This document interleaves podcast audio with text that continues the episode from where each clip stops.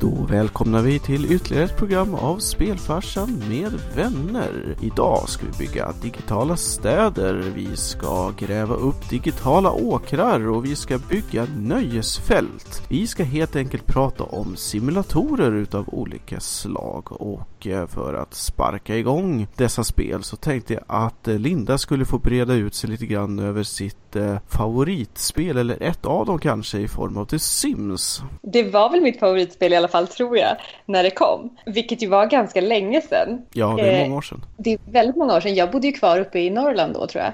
Så det var väl runt 2000 där kanske. Mm, det kan nog stämma alldeles utmärkt. Första var exakt år 2000. Första The Sims. Vilken gissning. Mm. Och det det är egentligen, alltså nu när jag funderar lite grann på varför jag tyckte det var kul. Det är också konstigt. Det är ju typ ett glorifierat dockhus. Mm. Som man har sina små Sims, jag tror de heter så, personerna som, som bor i de här husen som man antingen bygger eller bara flyttar in sin familj i.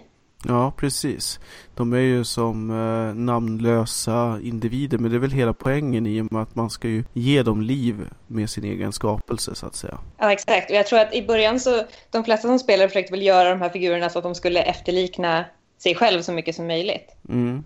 Ja, från början ja. tror jag det var som, som du säger ett sätt att eh, ge verklighet åt sina egna ambitioner och drömmar och vad det nu är. Exakt, och för det är det de har också. Eller man kan ju i alla fall välja lite så här att den här personen ska ha den här personligheten. Kanske vara lite hetlevrad eller kanske lite nördig och, och sådana saker. Mm, och så kunde man ju träna mm. dem till att kunna olika saker. Typ att om du lyfte vikter så blev du starkare och så kunde du typ få ett jobb som brandman typ och sådär. Ja exakt, man skulle ju, i princip så hade man ju ett hushåll och så skulle man eh, skaffa ett jobb så att man kunde tjäna pengar till det här hushållet. Och jag tror också att i början så var det väl så att man i princip bara använde de här pengarna för att typ bygga ut sitt hus eller mm. köpa en ny sånt. Men sen kom det ju massor av expansioner som gjorde att man kunde komma ut utanför sitt hus och träffa andra sims och åka på semestrar och sånt.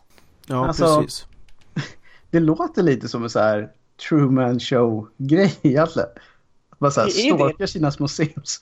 Så man, I princip så spelar man ju Gud. Ja, och man kunde ju dra igång vilka vendettan som helst. Man kunde ju liksom få en sim att bli jättekär i en annan och så kunde man ju då vara otrogen och så vidare och så vidare. Så det var ju verkligen upplagt för det. Ja, ja, gud. Det fanns ju till och med en expansion som hette Hot Date som gick ut på att man skulle gå ut och dejta med massa andra sims.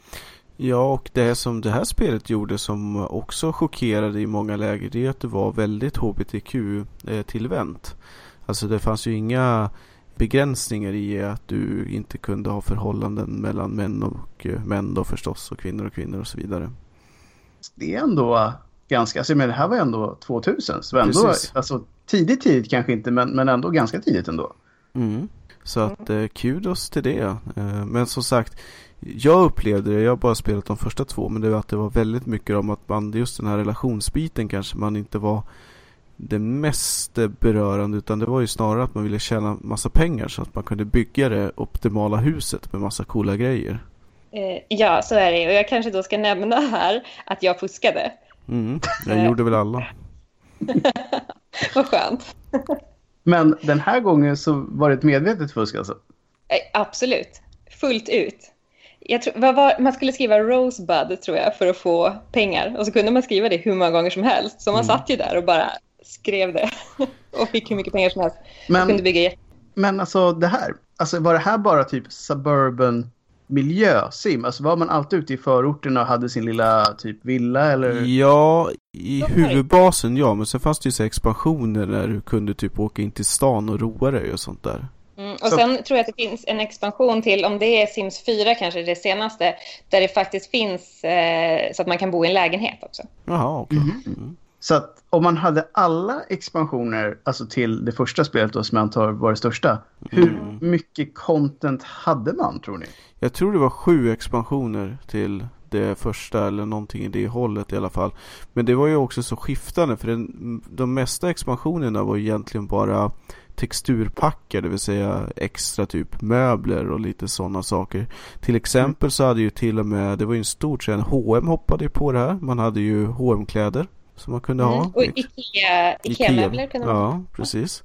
Så att vi har svenska avtryck i det här. Det är ganska häftigt egentligen. Alltså, Mm. Det är ändå lite fingertoppskänsla för att det var ju väldigt, väldigt inne med Sims ett tag. Ja, eh, men det intressanta med Sims är också att det lockar ju fram samma känslor som även till exempel Grand Theft Auto. Det här att en av de eh, första grejer som folk testar det är vad som händer om en sim hoppar i poolen och sen tar du bort stegen.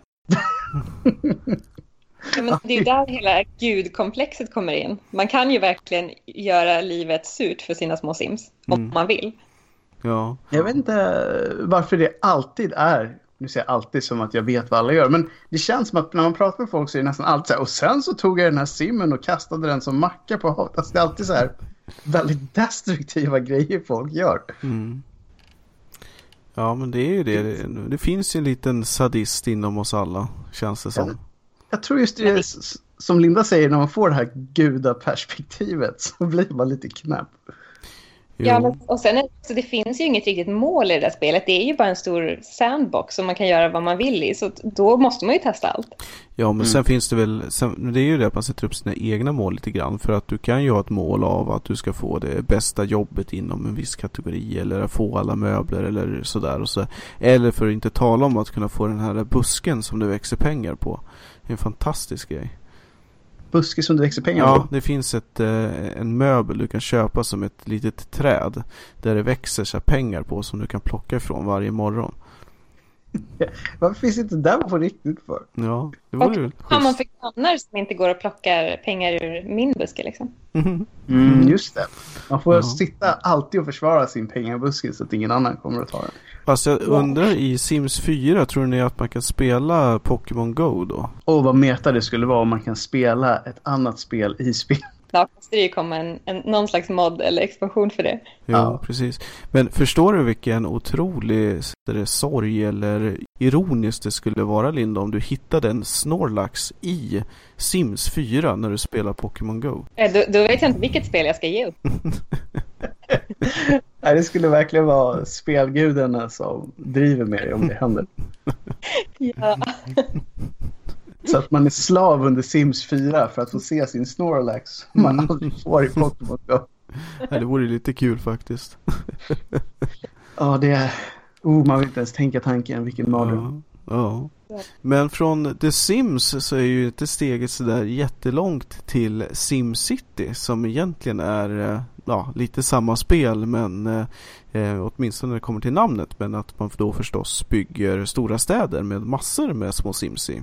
Det här är ju ett spel som har hängt i ett tag, minst sagt. Ja, jag minns att jag spelade det, eh, det måste nästan vara på SNESen tror jag. Ja, precis. Det var ju en eh, version utav eh, det första SimCity som bland annat hade specialgrejer med att man kunde ju få en staty utav Mario som var liksom borgmästaren i stan. Det var ju Nintendos prägel på det hela. Ja, nej, alltså jag, jag minns bara att det... Alltså jag minns det som väldigt snyggt, vilket ju känns jättelöjligt för jag kollade på lite bilder nu och det var inte snyggt. Men det var i alla fall så jag minns det. Sen så var det så, eh, det var en sån häftig idé, kommer jag ihåg att jag tyckte då, att när, när det var så att man hade byggt en ny industrizon och man var tvungen att fixa så att den hade el och sen när man såg de här små husen börja ploppa upp så var det en sån cool grej. Det kändes verkligen som att, att det här händer för att jag har planerat det. Precis. Och att jag har byggt det så bra så att folk vill flytta dit och Mm. göra saker. 89 kom det ut så det är inte så konstigt att det kanske inte såg übervackert ut från start. Nej, det är, det är inte så konstigt. Däremot så var det ju, och det är också så här äh, minnen som man har, att det, att det var rätt så utmanande. Alltså det var ju utmaningar man skulle klara av för att klara sig vidare och så vidare. Så där, olika scenarier har jag för mig att man skulle... Ja, naturkatastrofer förstås. Så. Mm. så vidare och så vidare. Det här är också ett sådant spel som har kommit på nästan alla tänkbara plattformar överlag. Det är Mm. liksom allt ifrån CD-TV till Amiga till eh, ja, Game Boy Advance till exempel. Med flera. Så att eh, en stor Det är ju ett spridning. ganska, ganska tacksamt koncept eh, ändå. Man behöver en skärm och man ska kunna se typ en grid. Mm. Eh, och sen så har man lite olika menyer runt omkring och så försöker man tjäna så mycket pengar så man kan Mm. bygga nya hus. Ja. Eh, för min del så, jag spelade också SimCity till SNES men min stora förtjusning kom nog ihop med SimCity 2000. Mm. För dels hade man hunnit bli lite äldre så att man liksom kunde fatta konceptet lite mer. Och för andra så var det ju galet coolt, SimCity 2000. Med bland annat då sina eh, futuristiska framtidsbyggnader och så vidare. Ja, alltså det, även om jag tyckte att de här liksom, tidiga spelen var häftiga så var det ju en vattendelare när SimCity 2000 kom. För mm. att då hade de ju verkligen tagit det till nästa nivå som du säger. Det var riktiga städer på ett helt annat sätt. Ja, det var mera, det blev mer naturligt. Eh, man har med block blocken var inte riktigt lika, fyr, alltså inte riktigt lika fyrkantigt om man säger så. Det var mer levande. När det väl var uppbyggt så såg det faktiskt ut som en stad. Det var mm. inte det här att här är block A, här är block B, utan det smälte ihop till en stadsbild på ett helt annat sätt. Ja, ja precis. Men det här är ju också sånt spel som man fuskade hejvilt i. Ja, det var det jag tänkte fråga. Fuskade ni i det här? Ja, det är klart man gjorde. Ja, ja. Så fort man hade chansen. Jag, jag, undrar så här, för med undantag från City Skyline så undrar jag om jag någonsin har spelat ett SimCity-parti utan att fuska. Kanske. Mm. Jag tror faktiskt när jag tänker efter att det första SimCity på SNES, där tror jag faktiskt inte jag fuskade under själva kampanjen. Mm. Ja, det är möjligt. Där, där, vill man få tag i den här sista leveln som bara var en tom platt yta där man kunde bygga överallt i fred. Mm. Jag, som sagt, jag minns inte riktigt om man kom så långt men eh, det är i alla fall ett spel som bjuder in till fusk.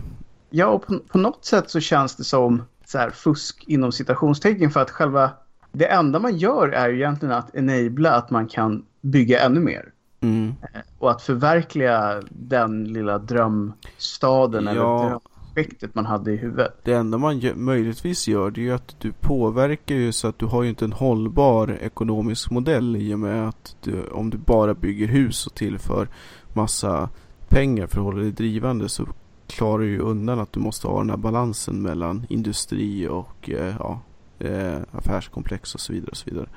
Men förut, för, utöver det så är det som du säger att man eh, ger ju sig själv bara möjligheter att komma direkt dit man vill från start. Var han ja. lite grann korrupt borgmästare? Ja, just det var det jag tänkte säga. Hade man inte olika alltså, eh, rådgivare? rådgivare?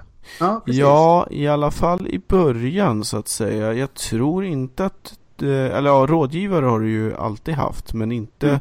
att eh, du fick olika saker för att göra mm, olika ja, uppdrag om man säger på så sätt som det var tidigare spelen. Nej, just det.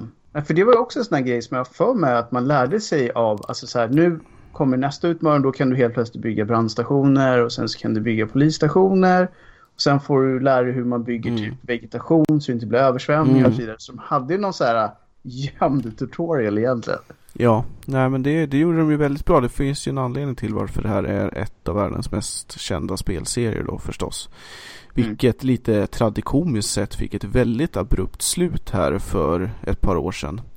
Eh, ja. I och med att, eh, och egentligen kanske man ska skylla det på EA, men i alla fall att det var ju en kombination av en extremt klantig lansering tillsammans med ett koncept som inte alls funkade.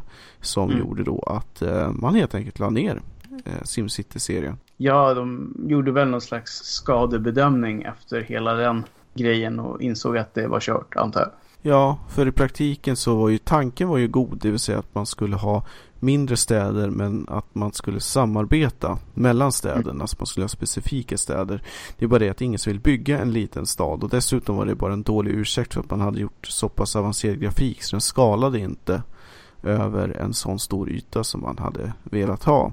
Sen, men det som jag tror mest folk var förbannade på det var ju den här eh, DRM-skyddet och eh, att mm. man alltid var, behövde vara online och allt vad det nu var de hade ju egentligen tryckt ihop väldigt många idéer som var dumma mm. i en och samma. Men jag tror att det här med liksom grafik och annat, det, det var ju för tidigt ja. att, att ha det till den nivån. Så att eh, det var väl lite överambitiöst på vissa områden men också det här uh, Always online och det räcker med att man nämner det mm -hmm. i närheten av ett spel så får man ju så 86% av fansen emot sig på en gång. Ja, om det inte är ett MMO, det är väl enda gången du kommer undan med det kanske. Precis, då får man 86% av fansen med sig istället. Mm. Men det kom ju någonting också i samma veva som gjorde att det här eh, också skyndades på. Och det är ju den nya tronföljaren i form av City Skylines. Mm. Som kommer från ett eh, litet finskt bolag om jag inte minns helt fel. Nej, det är det, inte så. Nej. Jajamän, det är Paradox som eh, ger ut det. Men, och det är egentligen inte så stor skillnad mellan City Skylines och SimCity. Det är i praktiken en rak kopia men de gjorde allting rätt å andra sidan. Eh, mm. De gav folk full frihet, väldigt mycket mer avancerade planeringar av vatten och el och så vidare och så vidare och så vidare. Men i, i praktiken samma samma. Och så kom det precis rätt i tiden. Det var väl egentligen det som gjorde att, eh, att det gick så pass bra antar jag också. Ja, alltså jag kommer ihåg att folk hypade det riktigt mycket. Alltså så här eh, i artiklar och recensioner och så vidare. Och jag minns att min så här, äh, första reaktion på det var men det här är ju typ SimCity. Mm. Ja, Colossus Order heter bolaget som har utvecklat det. Och de var ju liksom ingenting förstås då. Men mm. eh, de red ju på vågen av allt eh, egentligen frustration och till och med hat då som byggdes upp.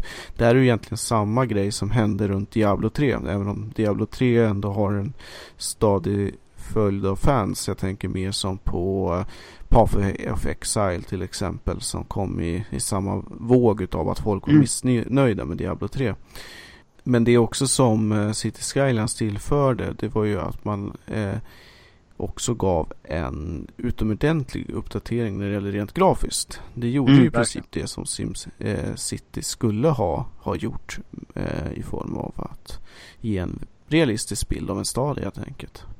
Ja, och jag tror att det är ju dit, alltså det är dit folk vill egentligen. Alltså som du säger, det är alltid ett problem när man begränsar byggmöjligheterna i de här spelen. Mm. För att folk har ju väldigt många tror jag, någon slags vision om att bygga Manhattan. Liksom. Det ska vara stort, det ska vara vräkigt, man ska kunna liksom, ja, verkligen ta sig runt i stan. Mm. Man inte ha tio stycken grafiska block och sen är det slut. Nej. Nej, och så får det gärna se väldigt snyggt ut också. Det skadar ju aldrig heller. Men jag tror att City Skylines är här för att stanna och att eh, det till, kanske till och med kommer någon annan uppstickare. Vem vet? Vi får se om de eh, blir kvar, hur länge de blir kvar på tronen. Mm. Eh, men om vi skulle ta och eh, hoppa ner lite i gruvorna istället och prata om ett annat eh, nordiskt fenomen i form av Minecraft. Eh, detta under som Marcus Notch eh, drog ihop då för eh, hur många år sedan är det nu? Är det fem, sex? Ja, det måste väl vara på den sidan tioårsgränsen snart, att det är närmare tio än fem. Mm. Ja, I alla fall om man räknar med själv, alltså från när man började utveckla och alfabet och så vidare. Så. Ja, precis. Vad har ni för relation till Minecraft? För jag har egentligen en väldigt begränsad relation till spelet. Eh, jag har kollat jättemycket på Drunk Minecraft på Youtube, vilket har varit kul. Men i övrigt så har jag nog ingen direkt koll på det alls egentligen. Det där måste du förklara mer. Vad är Drunk Minecraft? Det är några så youtubare som, är, eh, som i vanliga fall gör vanliga Let's Play, men som tillsammans en gång i veckan eller vad det var, eh, sitter tillsammans, fast i, på varsin dator liksom, och spelar Minecraft medan de dricker en massa alkohol. Det, det, är väldigt, det blir väldigt eh, fnittrigt och kul och inte särskilt seriöst, vilket jag antar är anledningen till att jag inte har koll på vad de håller på med. Men har de koll på vad de håller på med eller är själva grejen att de inte vet heller? Jag tror att de kanske har lite bättre koll än vad jag har, men inte mycket mer. Så vad, vad går det här ut på egentligen? Liksom, vad är Minecrafts idé? Det är en jättebra fråga. Själva idén med Minecraft är ju att det inte är en idé med Minecraft. Eller ja, så här att man, man använder sig av sin karaktär för att bryta upp eh, marken, det vill säga därifrån mine i det hela kommer. Och, eh, eller terrängen runt omkring sig egentligen. Och med hjälp av materialet så kan man då bygga saker. Man kombinerar material för att kunna bygga i princip nästan vad som helst. Men i praktiken är det ju olika block utav saker som man kan stapla på varandra. Och då kan man ju sätta igång och bygga fantastiska byggnader och sånt där. Men förutom det så kan du även eh, sätta in, bygga möbler och du kan, du kan också programmera i princip eh, saker som kan röra sig eller saker som lyser och så vidare och så vidare. Men traditionella mm. spelupplägget från start var ju det att du hade dels det här free roaming byggarläget men sen hade du också en liten survivor-del där att eh, man hade en dygncykel så att när det blev natt så kunde det komma monster. Och då kunde man bygga vapen så att man kunde klappa ihjäl de här monstren även om det var en väldigt liten del av det hela. De allra flesta eh, spelade utan den funktionen då. Eh, men sen på senare tid har det ju kommit som Minecraft eh, Legends eller vad det heter. Där det är mer, eh, eller Adventure kanske det var. I mm. alla fall där det var mer utav den stuket då. Men i praktiken så är det ju som en gigantisk legosäck. Där du har full möjlighet att bygga något och det har ju gjorts allt från återskapat hela världskartan från Game of Thrones till eh, Stockholms stad till ja, you name it. Så att det är mer som ett litet arkitektverktyg för att skapa fantastiska skapelser. Jag har egentligen bara sett det här spelet på Let's Plays och typ på Twitch. Och det är ofta så att folk håller på med så här, absolut ingenting. I alla fall när man ser på det utifrån. För att typ någon höll på i fyra timmar och bygga typ en smältugn såg det ut som. Mm. För att sen typ få fram någon slags metall. Eh, och sen så kom det fram att de behövde den för att bygga en portal och ta sig till en alternativ värld där man kunde hämta andra grejer. Så att mm. det verkar finnas väldigt mycket för folk som är djupt engagerade i det här spelet. Men det är väldigt för mig kändes det väldigt svårt att ta sig in i det här. Mm. Ja, jag tror att ja. det är så. Det är då därför jag, jag aldrig att... kommer dit heller. Nej, nej, men det finns, för det finns ju en massa olika modes man kan spela i. Det är väl så här survival mode och sen jättesvårt mode. Men mm. det är väl creative mode som de flesta spelar, skulle jag gissa. Eller det var det som jag skulle tycka var kul i så fall. Mm. Mm. Så spränga saker, för jag tror att de höll på att bygga, de här drunk Minecraft-killarna höll på att bygga eh, Five Nights at Freddy's eh, animatronicsarna. Mm-hmm. Men nu är vi tillbaka där igen, att man vill ha sönder saker. Mm. Ja. Så det, det finns en röd, och sånt. Ja, kanske är en, en röd linje i de här spelen att det första man gör är att se hur mycket liksom, sönder man kan ha olika saker och sen så bör man bygga på riktigt. Det finns ju faktiskt ett slut på Minecraft eller ja, det beror lite på hur man ser det men någonting de kallar för the end där man egentligen efter hur många timmar vet jag inte alls men tar sig till någon sorts portal som liksom ja på ett eller annat sätt avslutar spelet då. Mm. Men eh, eh det är ju inte syftet med spelet i sig på något sätt utan det är ju mer det här som sagt det skapandet som är den stora glädjen i, i, i det hela. Eh, till skillnad från Terraria till exempel som bygger på samma idé men faktiskt då har ett slut eller har en story mera. Mm.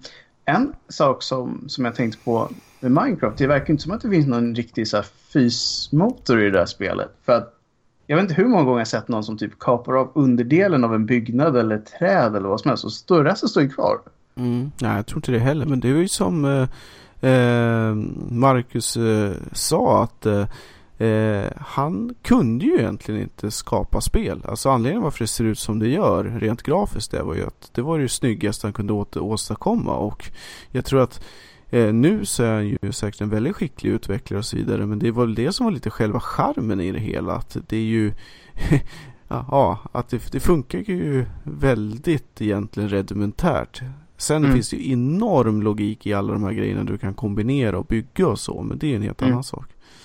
Det är väl inte han Persson eh, Notch som har utvecklat det nu på senare tid i alla fall. Det är väl en annan kille. Ja, eller sen det såldes till Nintendo så är det väl ett helt annat team. Eh, Microsoft, och, ja. Microsoft var det. Ja, exakt. Mm. Så det är ju, det är ju säkert ett, ett, ett, annat spel egentligen på något sätt. Men... Eh, Men det hyfsat likadant ut. Ja, Precis, men man har ju lagt till en del ut sådana, till exempel Minecraft Education som kom ut här alldeles nyligen. Mm -hmm. eh, som är där man kan bygga, det är väl tänkt för lite, alltså för mattestudier och lite sånt där. Där du kan göra olika övningar i spelet. Wow. Ja, jag har Precis, och för sådana saker, helt att man kan göra att det är så fritt spelet, så man kan verkligen göra vad som helst med det. Och sen var, kom det väl en ganska cool VR-grej också för en, så man kunde se sina, eh, det man hade byggt kunde man se i 3D liksom, i VR-glasögon. Mm, det var ju Microsofts uh, HoloLens som de demade i, ihop med Minecraft på så sätt. Så att eh, det skulle ju kunna vara lite spännande. Eh, det kommer säkert, eller om det inte redan har gjort det då, stöd även kan jag tänka mig för Oculus och så vidare då. Men eh, det här var ju mer att du hade en tomt bord och kunde bygga ovanpå det så att säga. Mm. Ja, just det. Precis så var det ju. Ja, för nu finns det ju till... Alltså, det finns väl till nästan alla konsoler och plattformar. Mm. Till och med till Raspberry Pi, tror jag. Ja, det, det finns verkligen till allt och allting. Det har ju blivit ett mega-franchise. Ja. Eh, och det är ju ganska, ganska bisarrt För jag för mig att jag läste i någon artikel att han kallade hela grejen för hans fulhack på fritiden. Jo, som han eh, kvitterade ut 22 miljarder kronor för eller någonting i den stilen. Något i den stilen. Mm. Ganska bra fulhack får man ju ändå säga. Ja, Väldigt Sen får man ju, fast det är ett helt annat program, men eh, det har ju varit lite orosmoln över hans hälsa och allt vad det nu var efter att han gjorde sig kvitt spelet då, eller bröt sig loss med tanke på att han verkar ju inte vara världens lyckligaste kille trots alla pengarna. Nej, det är väl som vanligt, jag höll på att säga, att det, det är inte alltid pengarna löser problemen, även fast det gör livet smidigare eller vad man ska mm, säga. Precis. Men om vi ska gå till någonting roligt istället så tycker jag att vi hoppar in i nöjesfältssimulatorerna då som sparkade igång med Bullfrogs utmärkta Theme Park. Mm. Magiskt. Ja, det var ju faktiskt lite magiskt. Alltså, jag hade, i alla fall i första spelet, extremt roligt med väldigt så här begränsade grejer egentligen. Mm, det var ju extremt begränsat egentligen men eh, man kunde bygga roliga berg och dalbanor i alla fall. Mm. Kom inte det typ 95? Alltså det är väl mm. jättegammalt? Mm. Ja det är eh, kanske till och med något ytterligare. Men eh, ja, någonstans där i alla fall. Ja, alltså det var ju när, när datorerna fortfarande var dåliga, höll jag på att säga. Alltså, det, det kändes som att det var inte det grafiska som sålde det spelet, utan det var väl möjligtvis själva idén skulle jag säga. Att någonstans insåg att man har alltid velat äga ett nöjesfält. 94 kom det ut. Där ser man. Mm. Ja, precis. Man, jag tror alla har drömt om det och att få sälja extremt salta pommes frites med sockrig läsk bredvid. Ja, och sen så kunde man ju bara öka saltet mer och mer. Mm. Och för den som inte har spelat där så går det ju förstås då ut på att driva en nöjespark där man säljer allt från merchandise till eh, mat och läsk och så vidare och så vidare. Och förstås då bygger massa coola nöjesturer i form av flumrides och berg och så vidare och så vidare. Ja, det var, det var verkligen en det var ju en helt ny idé för det här, man, det här var verkligen första gången man fick göra något sånt här också. Det känns kanske numera som ganska självklart att man skulle kunna bygga sådana grejer. Men det, det var ju inte någonting man hade varit med om. Ja, men samtidigt så kändes det som att det, det dog ut lite grann det här med nöjesfältssimulator efter Theme Park. Eh, det kom ju någon uppföljare och sådär. Men det är ju inte förrän typ som för någon vecka sedan som det verkligen började ta fart igen. Ja, och som jag när jag kollade upp det här och det spelet som vi pratar om nu heter um Ja, vad heter det? På det? Planet Coaster. Planet Coaster, tack. Mm. Jo, det är ju alltså först nu som det har blivit så pass eh, grafiskt möjligt, eller på att säga, att man kan bygga alla de här nöjesattraktionerna eh, och sen sätta sig i dem och åka dem. Det, det var visserligen en del sånt i de tidigare spelen, men det var ju oftast väldigt begränsat. Det var jo. oftast när förprogrammerade slingor och så vidare. Men här är det verkligen så att bygger du världens farligaste rollercoaster så länge den håller för G-krafterna eh, som kan vara så mycket att man dör. Men om det funkar rent fysiskt så kan du sätta dig i en vagn och åka den här. Mm. Men är det också ett mål i det här spelet att försöka bygga en riktigt farlig åkattraktion så att man dör? Det här spelet har, eh, precis som då eh, SimCity, en kampanj. Där det börjar med ett väldigt litet nöjesfält och då ska man kanske få det att gå runt med vissa premisser. Och sen blir det mer och mer och mer. Och det är ett smart sätt att lära sig hur allting funkar. För det är ju på, även för att man ska bygga massa attraktioner så måste det ju funka ekonomiskt. Man måste se till att det finns toaletter och det måste finnas matställen och det måste finnas sopgubbar och skojiga personer som springer runt i liksom clowndräkter och håller humöret uppe och sådär. Och sen så måste du även sätta biljettpriser och familjepaket och hela köret. Mm. Så att de petar in lite sånt där allt eftersom egentligen. Och sen när du har lärt dig det där så det, har du förhoppningsvis tagit igenom den lilla kampanjen och då kan du börja bygga fritt. Då är det roliga börjar. Och som i alla de här andra spelen så det första som dyker upp på Youtube det är en kille som gjort en schysst video där han släpper en två tons eh, berg och dalbanevagn ner i en hög med människor. det är klart det är. Men det som är så himla bra med de här berg och dalbanorna är ju att eh, jag vet inte riktigt vad det modet heter men innan man då har startat upp de här så kan man alltid testköra dem med en tom, ett tomt set med vagnar. Och de flyger ju alltså bara, om, man, om banan tar slut mitt i, då flyger de där vagnarna bara iväg. Och landar där de landar. Och det var precis det den här personen kom på. Att om jag bara sätter den här gruppen människor precis mm. under mm. så kan det här bli väldigt spännande. Ja, det är ju lite morbid. Men som sagt, vi kom ju fram till det att det är precis vad folk vill ha någonstans. Precis. Och jag menar, det enda sättet att se vad som händer är ju att testa det. Mm, precis. Ja, man måste ju testa. Det är det, det, är det sådana simulatorspel är till för. Jo, precis. Men, den här, men Theme Park i sig eh, ledde till en massor med eh, andra, ska vi kalla Tycoon-spel eller Tycoon är en egen serie, men andra simulatorer som eh, kom ut på andra delar, det vill säga till exempel eh, du har ju tågsimulatorer, du har bussimulatorer, du hade en lång rad andra saker som du kunde bygga och köra. Och mm. eh, det har ju levt vidare i någon sorts liten subgenre ända fram till idag kan man ju säga. Ja, nej men alltså det, det var väl kanske ingen som riktigt förstod att det skulle bli eller att det skulle hålla i sig så här länge. Men det görs ju sådana spel med jämna mellanrum. Jo, men det är som det här äh, superklassiska exemplet med den här eh, japanska tågsimulatorn där du kan köpa en komplett eh, förarhytt för, vad är det, 200 000 svenska eller någonting i den stilen? Ja, något sånt är det Det är helt bisarrt. Och bara för att sitta och köra tunnelbana i princip. Det där skulle man kunna få uppleva och faktiskt tjäna pengar på, det vill säga som tunnelbaneförare. Ja, precis. Nej men eh, det är kul att, eh, att man kan täcka att det ändå finns så pass många så att man har råd att eh, bygga sådana här subnisch-spel för folk som bara älskar att köra grävskopor till exempel. Ja. ja. Jättekul. Jag tror att det fanns någon variant av den här Theme Park som var ett sjukhus som man kunde... Just det. Som man, hospital, ja. Absolut. Det var jätteroligt, har jag för mig. Mm, ja. Det spelet var ju dessutom, jag startade upp det första Team Hospital, jag vet inte om det kom fler, för någon vecka sedan för att se hur det såg ut. Och det är ju eh, Bullfrog som gjorde det också. De har ju verkligen drivit med sig själva för att i eh, väntrummet på den här första videon så sitter till exempel en sån här uh, typ Hellspawn Demon från Dungeon Keeper och så vidare. Och så vidare. Mm -hmm, just det. De hade ju sin eget lilla universum med theme-spel. Mm. Jag vet inte om det var de som också gjorde Theme Tower till exempel. Mm, det skulle det mycket väl kunna vara. Det känns ju som de tog patent på det här FIM-uttrycket ett tag. Så att eh, det blev en, en grej. Och jag minns att jag spelade rätt mycket just Theme Hospital också. De hade ju lite humorgrej för de hade ju massa sådana här konstiga maskiner som gjorde saker. Och folk hade väldigt konstiga symptom, typ så här ballonghuvud. Då hade de en stor maskin som hade en nål och andra grejer. Mm, precis. Det är ju, de gjorde ju även, eh, 17 vad det var, de, de gjorde ju något jätteknepigt sånt där themespel som gick ut på att man bara skulle bygga broar. Och så skulle man prova att köra då typ ett tåg eller någonting över bron och se ifall den höll eller inte.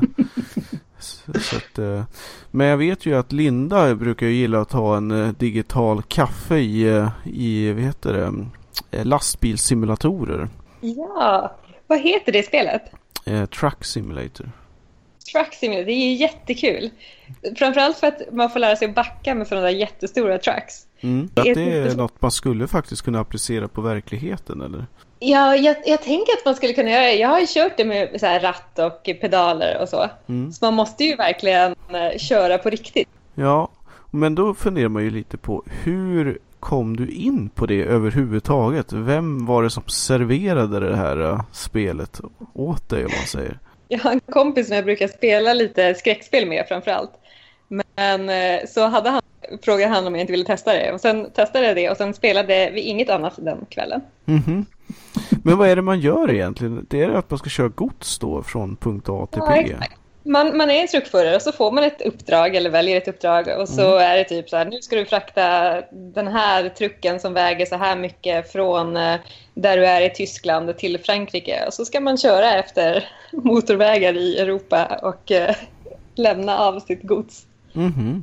Men är det någon sorts, är det känslan av att man gör någonting vettigt höll jag på att säga, eller att man gör någonting vad, är, vad är själva belöningsfaktorn i det hela så att säga? Får man någon sorts poäng eller resultat av att man kör de här grejerna? Alltså man får ju lön. Okej. Okay. Kan man köpa något det. för den då?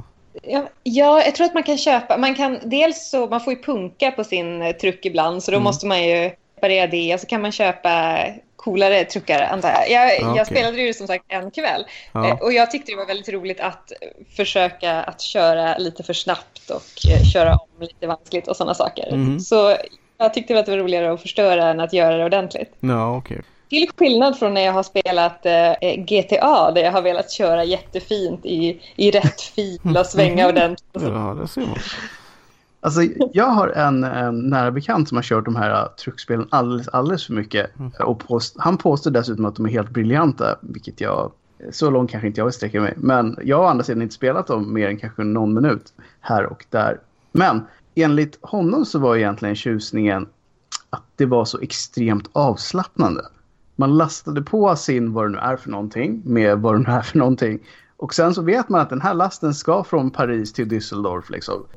Så sätter man sig och kör. Och så är det inte mer med det. Och sen så plockar det ju spelet bort alla de här dödmilen mellan. Så man får åka mm. iväg ut på liksom, motorväg. Sen så kommer man fram och så får man liksom köra det här att man svänger in och lastar av.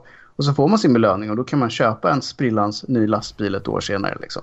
Mm. Men det svåraste är just när man har kommit fram till ett mål och ska parkera in den där bilen så att, man kan, så att den kan lastas av ordentligt. Det är ju det svåraste köra efter motorvägarna går ju snabbt. För som Peter säger, de klipper ju bort ganska mycket. Så det är inte så mycket köra efter motorväg egentligen.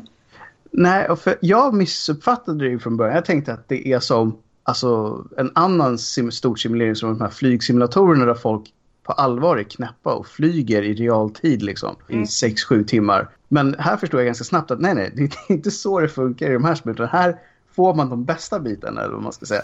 Mm. Apropå det här så är det så att eh, precis just nu så kör man ett test på Ohios eh, motorvägar med självkörande lastbil. Nej, oh. shit. Hålla sig borta från Ohios motorvägar just nu då känner jag. De har ju för sig en chaufför med ifall om det skulle hända någonting. Men tanken är att han inte ska göra någonting alls. För hans enda jobb är att dricka kaffe och äta donut hela vägen. Ja, det är ju det jag försöker komma fram till. Att det är precis som det här spelet. det låter faktiskt... Alltså, om man nu är truck... För å andra sidan så kanske slutmålet är då att man är inte truckchaffis längre. Men Nej. om man är med under den här fasen så måste det vara det bästa truckerjobbet man kan ha. Man behöver inte ens köra liksom. Nej. Men är man med och ser till så att ens jobb så småningom blir helt eh, obsolet? Alltså jag tror ju att den chauffören som är med här, antingen så är han lite djävulens advokat och får ruggigt bra betalt. Eller så är det så att han är mer någon sorts hybrid av eh, typ engineer och eh, truckchaffis eller någonting i den stilen. Ja. Han Men, kallas Judas. Ja, precis. Det är Judas som kör den här trucken liksom. Eller han kör ju inte den. Han bara sitter Han äter donuts och är mm. ganska nöjd över livet. Men... Ja, precis. Han bara riktigt känner att nu kommer jag göra slut på, vadå? Två miljoner jobb kanske? Eller vad ja. alltså, Jag tänkte precis på USA också där truckers är en riktig grej liksom. Mm. Ja, tänk alla de här restaurangerna efter vägarna som kommer få stänga för att ingen truck stannar ju och äter. Nej. Om de inte gör det virtuellt. De sitter och kör sina truckar virtuellt och så tar de en virtuell kaffe och tar betalt för det. Ja, fast de måste ju tanka i och för sig. Ja, det måste de. Fast inte, ja. Samtidigt så, eh, jo, visst någon form av drivmedel måste de ju ha. Har en bekant som jobbar på Scania där de pratar om elektroniska, alltså typ Tesla-varianter utav trucks. Men ja, å andra mhm. sidan så måste du ju ladda på el om man säger. Ja, men precis. Mm. Men det finns ju Mm. mycket andra grejer man kan bygga förutom att eh, köra truck och nöjesfält och så vidare och så vidare. Man kan ju då också som vi varit inne på lite grann bedriva bondgård vilket är otroligt populärt och allt och ändå varit i många, många år. Jag tänker väl från start på Harvester Moon till exempel. Då. Jättestor grej. En del plöjde ner åratal i det spelet. Och fortfarande gör. Alltså för det, är det någon SNES-titel som folk drar upp som alternativ till exempelvis, man pratar i lite komiskt, man pratar i samma veva som typ Chrono Trigger och Final Fantasy och Street Fighter och så. Så drar någon upp till Harvester Moon. Och det händer nästan varje gång. Jaha. Det, det är ändå en, en riktig, riktig klassiker. Mm.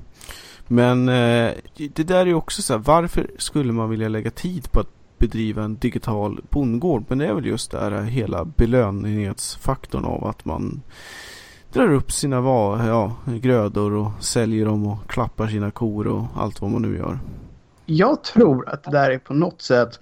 Alltså för alla de som aldrig har upplevt livet på landet, och det måste ju numera vara de flesta, Mm. så är det här så nära man kommer. Alltså man vill ju egentligen inte på någon nivå åka ut på landet och börja harva en åker för hand. För det är ju sjukt jobbigt. Och det tror de flesta kan räkna ut att det är. Mm. Men här kan man få typ en, antar jag, en del av samma glädje. Det säga belöningen kan man plocka hem på någon så här känslomässig nivå men utan att faktiskt behöva göra det här arbetet. Man kan, som du sa, få klappa sina kor. Mm. Man kan titta ut över sina liksom grönskande ängar. Man kan få sin majs, sin säd och liksom åka ner med traktorn och göra vad det nu är man gör. Och sen stänger man av datorn och tar en macka innan man går och lägger sig. Ja, det spännande med det här är också att man har i nästan alla de här titlarna även smugit in en liten dating simulator i det hela. För man ska ju också gifta sig förstås.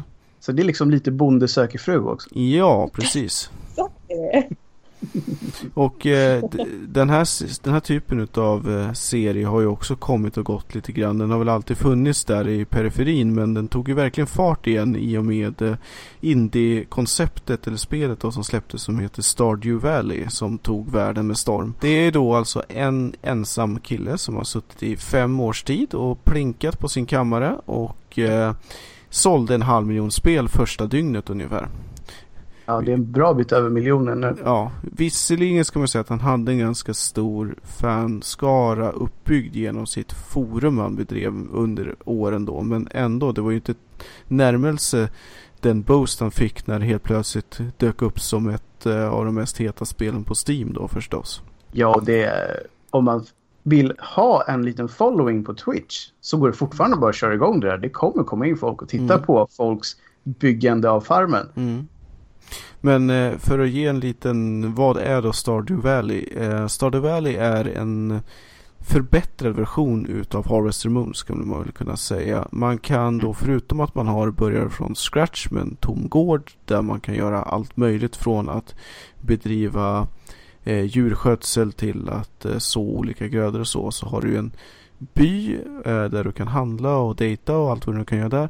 Men du kan även fiska. Man har slängt in ett helt underbart fiskespel där du kan praktiken kan spendera all din tid på att sitta och fiska året runt. För man har olika årstider också. Och man har slängt in en gruva så att, som har ett antal nivåer där man då får tag i råmaterial och bekämpar monster. Så att man har en underbar kompott av allt möjligt jox in i det här. Jag tycker nästan att det är lite Harvester Moon möter Zelda. För de har ju petat in lite övernaturliga inslag här och där. Mm, men för ja, att göra absolut. lite mer, lite mer äh, äventyrligt. Man har ju liksom sitt lilla svärd som man tar med sig ner i gruvan och hackar loss på slimes. Ja, absolut. Och du kan eh, uppgradera ditt svärd flera gånger om och du får typ rustningsbitar, eh, åtminstone typ skor och lite och allt möjligt sånt där.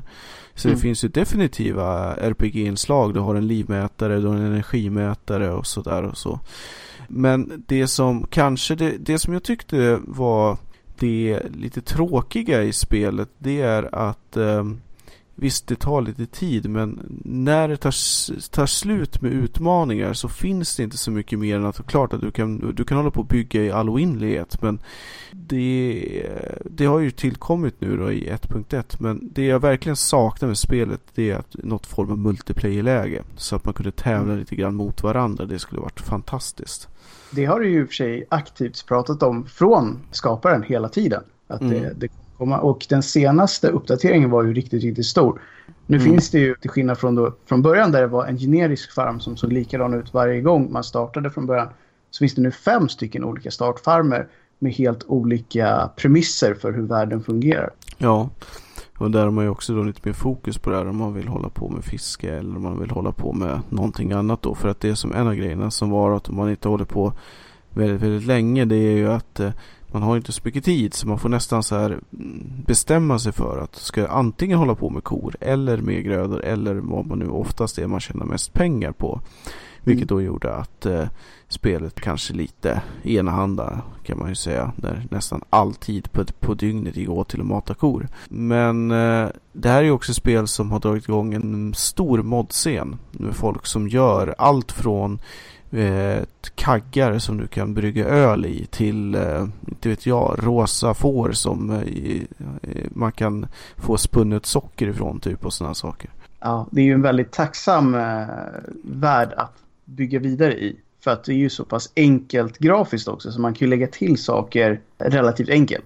Det är ju Mm. inte så här jätteavancerade modeller och det är inte i 3D utan det är klassisk SNES-grafik skulle man nästan kunna säga. Mm. Lite upphottad sådär. Absolut. Till skillnad då från Farm Simulator som är åt helt åt andra hållet. Där man har lite mer realistisk approach till det hela. Där Mm. du verkligen får åka ut på åker med din traktor och harva och göra allt vad du nu ska göra. Det är det jag alltid funderar på det här. Hur vet man vad man ska göra egentligen? Ja, alltså det är väl en bra tutorial antar jag. Att det är någonstans som leder fram till det här. Men jag vet inte. Ju- Just den biten av eh, farmsimulatorer har jag inte testat eh, eh, överhuvudtaget då. Nej, jag känner att jag skulle bli väldigt, väldigt lost. Så här. För att jag menar, Stardew Valley klar- klarar jag av. För det här är så simplifierat så att till och med jag fattar att de här fröna ska sås. Men om någon ger mig en het traktor och bara här har du 18 000 kubikmeter med jord. Mm, Då har jag inte en aning om vad jag ska göra. Hur funkar det här egentligen? Nej, det, mm, det är inte för alla om vi säger så. Jag tänkte bara passa på att eh, apropå då Farm Simulator pusha lite för vårat eh, härliga svenska gäng i form av Swedish Bonna Team. Så stor tumme upp till er som gör fantastiska 3D-modeller och nya saker till detta spel då.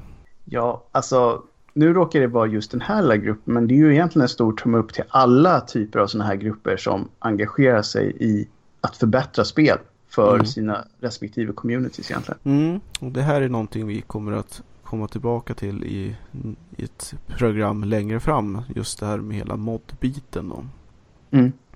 Men Linda, du har väl alltid velat haft en schysst tryffelgris? Så det här borde väl vara något för dig? Ja, ja, eller kanske en tryffelhund. Ja, det går nog Mm. alldeles utmärkt att ordna. Ja. För oftast är det ju så att eh, korna som är rosa ger till exempel jordgubbsmjölk. Oj, smidigt. Mm. I alla fall eh, om man tittar på, eh, vad hette det här spelet till på Facebook man spelade? Ja, vad hette det? Jag kommer inte ihåg, men jag var helt besatt av det. Mm. Men det hette ju också någonting supertråkigt som typ Farm någonting. Jag har för mig att det hette Farm och ett ord till. Någon sån här... Farmville. Farmville, precis. Farmville, så hette det. Just det. Jag fastnade ju totalt i det spelet. Och det fanns ju något man kunde odla som bara tog två timmar. Och då visste jag så här, okej nu sätter jag igång en odling av de här grejerna. Så går jag iväg till parken en stund och läser. Och så två timmar senare så, så går jag tillbaka och eh, eh, hämtar upp de här. Lite innan smartphonesen. Så att man kunde inte Ja, riktigt precis. hålla koll på så sätt. Men det är ju, då är vi tillbaka igen på att man har något jäkla driv av att plantera saker. Mhm. Ja. Och, och att sen få se skörden. Det är ju väldigt, väldigt spännande egentligen med tanke på att vi sitter här som tre IT-människor som aldrig har planterat en majskolv i hela vårt liv i någon större liksom, omfång. Och ändå så sitter alla glädjen i att få dra hem en virtuell skörd. Det är ju jättekonstigt. Mm. Men just därför då, för att man vet att man inte skulle klara av det i riktiga världen. Det är som med alla andra spel. Det är så här, jag vet att jag inte skulle kunna köra en truck. Därför så måste jag göra det virtuellt. Mm. Ja, nej, men visst är det så. Jag minns mitt senaste försök till att odla något slutade med en extremt död chiliplanta. Men där pratar vi å, återigen att du hade en chiliplanta, inte liksom 50-60 stycken som det är de här. Det är den här mängden som gör att man bara blir glad i själen. Mm. Apropå att eh, odla saker som inte går så bra så släpptes ju efter också en herrans massa år i utveckling ett spel som heter Prison Architect som går ut på att bygga det optimala fängelset. Och där är ju också en sån här grej. Vem fasen kommer på att man ska bygga ett fängelse egentligen? Jag kommer faktiskt inte på något bra svar på den frågan men däremot så kom jag precis på nu när du sa det att jag vill bara bygga Alcatraz på en gång. Mm. Ja, men, kan, det, men det är ju samt, man lyfter ju lite från, kontexten blir ju lite som de andra spelen som i Theme Park till exempel att du får betalt för fångar, du får betalt för det som eh, fångarna tar ut och så vidare och så vidare. Mm. Så att eh, det är ju ett att eh, locka spelare till att eh, göra saker. Det hade nog inte spelat någon roll om eh, eh ja, vilken kontext den hade varit utan det är bara lite kul att man får hålla på med, eh, med någon sorts oortodox eh, som att hantera fångar helt enkelt. För det är trots allt ganska många som vill göra det. Det känns ju som att man har ju all möjlig chans på DLC här. Att man kan ladda ner så här kända fängelser och få bygga ifrån. Ja, jo men det är som du sa, Alcatraz. Alla har väl, har väl om inte annat som de flesta sett Prison Break till exempel. Så ja. då kan man ju få simulera det lite grann om man så vill. Eller The Rock. Ja, precis. Så ja. att det finns väl eh, alla möjliga initiativ till varför skulle man vilja bygga ett coolt fängelse. Det vore ju ganska häftigt om man fick typ som de här Tower Defense-spelen har ibland. Man får bygga sitt fängelse först och sen får man försöka att bryta sig ut. Mm, precis. Det vore ju riktigt coolt. Eller om man kunde bjuda in vänner på typ Steam och, och som har samma spel och att man försöker bryta sig ut ur varandras fängelser. Ja, ja det skulle vara någonting. Det finns ju något sånt eh, online-spel fast eh, man bygger upp typ som en, eh, fästning eller alltså typ som Dungeon Keeper och sen kan man låta andra mm. spelare försöka invadera en. Ja, alltså, det är ju typ samma idé och jag tänkte att det skulle ändå vara en sån här grej som skulle kunna vara rätt kul. Typ, jag utmanar dig att rymma från mitt jättekola fängelse som jag har mm. byggt. Ja, nej jag kommer inte på vad det heter men det finns någonting som är precis som det. Eh, men in, inte riktigt i fängelsemiljö i alla fall. Mm. Eh. Jag säger så här, då har vi ju ännu en idé som vi ska ha ett franchise på här. Och precis, trademark. ihop med vårt eh, trädklättra-spel. Ja. ja. På något sätt. mm. Ja, det, det blir fantastiskt. Vi har så många bra idéer så att nu väntar vi bara på en publicist och en riskkapitalist. Sen händer det här. Ja, vi är en oslagbar tankesmedja mm. här. Har ni något annat simulatorspel som ni vill addera innan vi klappar ihop för ikväll? Man kanske borde ge lite såna här hedersutnämningar till Terraria och Starbound känner jag. Mm. Och där är ju som jag var inne på lite grann att skillnaden mellan Terraria, Starbound och Minecraft är att eh, där har man mer en story och ett, eh, ett syfte och ett mål. Mm. Även fast det är väldigt sandboxigt så, mm. så kan man ta sig an en och i 2D. ganska väl tänkt historia så att säga. Ja. Eh, och det ena är sci-fi och det andra är medeltidsstyle va? Ja, något sånt. Även om Terraria så kan du ju eh, mot slutet bygga även typ eh, vapen. Alltså typ eh, maskingevär och sådana saker. Mm, mm. Så att eh, det kommer väl. Men visst, lite åt det hållet är det ju från, från start absolut. Mm.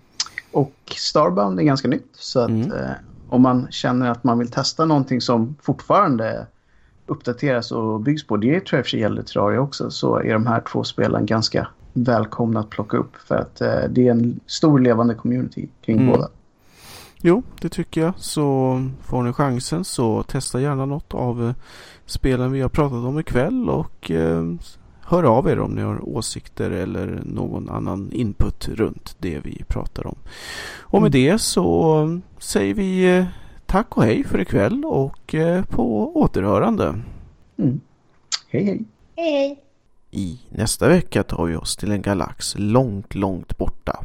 Då ska vi nämligen prata Star Wars-spel på återhörande. Tack och hej!